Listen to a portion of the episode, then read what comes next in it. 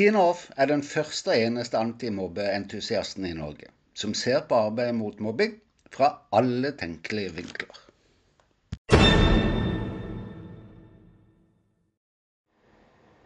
Du har sikkert hørt at i servicebransjen så sies det at en service bare er så god som den oppleves å være. Slik er det jo også for ordninger. En spør seg om den møter de behovene til menneskene som de er satt til å hjelpe løser de utfordringene de er ment å løse.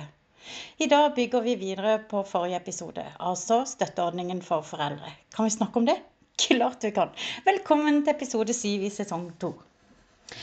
Forrige episode handla om mobbeombudene og deres funn i eh, i rapportene deres som er lagt på nettet. Hvis du ikke har hørt denne episoden, så anbefaler jeg at du stopper denne og hører den først, sånn at du får med deg bakteppet før dagens episode. Jeg går ikke noe sted. Jeg er her når du kommer tilbake. OK.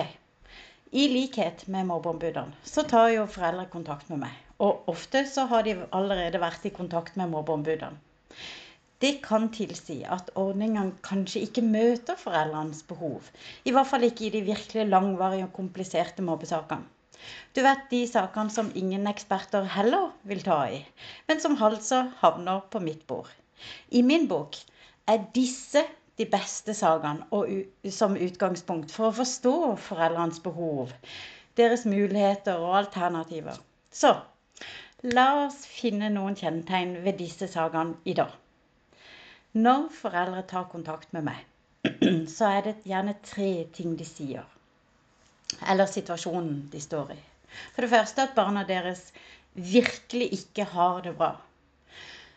Eh, for det andre, systemet hjelper det ikke. Og for det tredje, at situasjonen er overveldende. Akkurat som Odins mamma så glimrende formulerte det foran Stortinget under en appell for mange år tilbake. At alle barn trenger å bli sett, hørt og tatt på alvor, gjelder jo akkurat det samme for foreldre i mobbesaker. Alle voksne trenger også det. Men for de foreldrene vi skal snakke om i dag, så trenger de det på en litt annen måte. De foreldrene som jeg møter, de trenger å bli anerkjent for sine utfordringer. Først når det gjelder hvordan møte sine barns behov både forstå mobbinga, hva som skjer, om det fortsatt skjer, hvem som er involvert, hvor mye det har påvirka barnet, på hvilken måte det har påvirka barnet, og hvordan imøtekomme dets behov. Så går det utallige timer med til å støtte barnet, til å forsøke prate med barnet, tenke ut hva som kan hjelpe, og ikke minst hvem som kan hjelpe, og hvordan.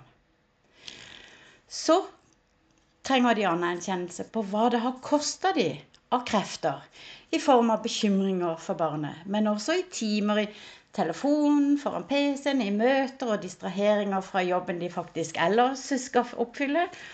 Ikke bare det, men det koster foreldrene selvtilliten, troen på seg sjøl som foreldre som fikser opp og er sjefen for sine barn. Har kosta de penger, noen ganger mange penger, i søken etter hjelp når det offentlige enten avviser, neglisjerer eller ikke gir hjelp som faktisk hjelper deres barn. Og så, så ber de om hjelp.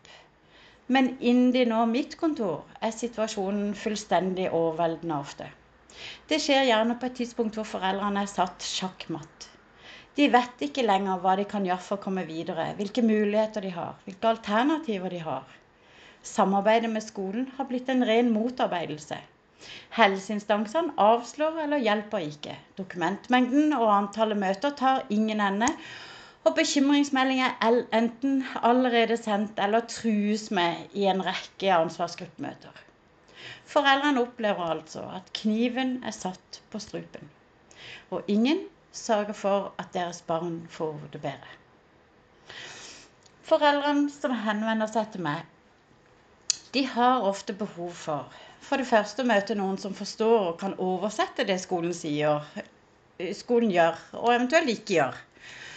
F.eks. når det gjelder aktivitetsplanen, altså rollene, oppgavene og tiltak. Referatene. Hvorfor velger skolen å anklage eller skrive nedsettende om foreldrene, og dermed unngå å justere egen praksis? F.eks. når sakkyndig vurdering fra PPT ikke endrer noe, eller når BUPs involvering ikke endrer noe, eller når klager til statsforvalter ikke endrer noe. Og så har de behov for noen som kan hjelpe dem videre. Som avdekker utfordringer, som sitter på løsninger, og som har strategier som hjelper deres barn. Og barna er alltid de foreldrene jeg møter sin første prioritering. Dernest så trenger de noen som rydder opp i saken, finner status. De er ofte mange instansene involvert. I, det, I den fortellingen som er på papiret, kontra familiens virkelighetsoppfattelse. Som oversetter det som skrives, og hva ulike tiltak innebærer. Som er deres hukommelse, da detaljene ofte blir for mange gjennom flere år som avlaster i kontakt med instansene, med dokumentasjon og i oppfølgingen av begge disse. Og som får til utvikling, altså at barnet får det bedre. Men, og som de fleste ikke får med seg, så trenger foreldre noen som forstår mobbingens og skolemiljøers effekt. Som forstår innsiden av skolen og vet hva de snakker om i møtene. Og ikke minst kan fremme løsninger. Ikke til beste for foreldrene, eller skolen eller helse eller andre voksne, men for barnet. Vi skiller altså vei, mobbeombudene og jeg, på flere områder. Min oppgave er å løse problemer og skape utvikling som gir bedring for barnet. Jo bedre jeg gjør det, desto fortere kommer barnet og familien videre. Å gi støtte og drahjelp, det er altså min arbeidsform. Den benyttes uansett hvem den gjelder. Hvilket betyr at jeg støtter og drar like mye skolen som hjemme, som leger, som barnevernstjenesten. Her må alle med i samme retning. Når foreldre opplever at det skjer ting i positiv retning for sitt barn, det er der vi skaper tillit. Det er faktisk ikke så vanskelig, dette. Ja, kanskje litt kjipt og kinkete tider, men ikke verre enn at det faktisk er fullt mulig å gjennomføre som profesjonell. Jeg må innrømme at jeg er alt annet enn objektiv. Heller i særdeleshet subjektiv, med barnet i fokus. Når de ulike yrkesutøverne forstår at jeg, altså som antimobbentusiasten, da, kommer for å hjelpe barnet, at jeg ikke er ute etter å ta noen, men å hjelpe, så skaper vi også de positive resultatene. Og da, da er jo også min oppgave på vei til å bli løst, nemlig å skape utvikling og bedring for barnet. Høres enkelt ut, ikke sant? Og slik er det nok ikke helt. La meg først ta en siste ting. Du fikk kanskje med deg forrige uke. Jeg nevnte ingenting om hvor mange saker mobbeombudene bidro til å løse. Helt naturlig, for mobbeombudene rapporterte ikke om noe om dette. Det er jo ikke så rart.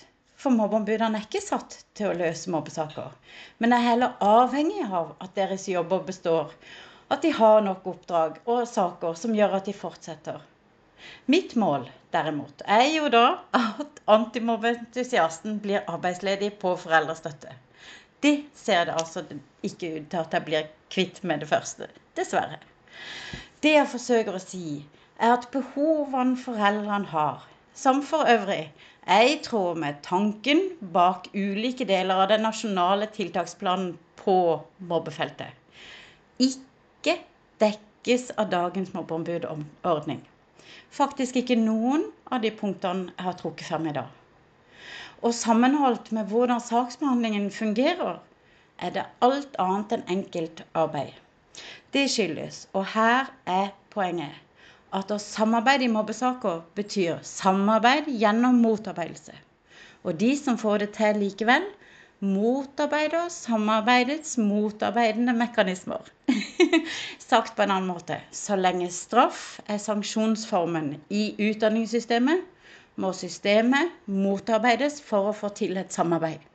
Det får bli et tema til neste episode. God uke.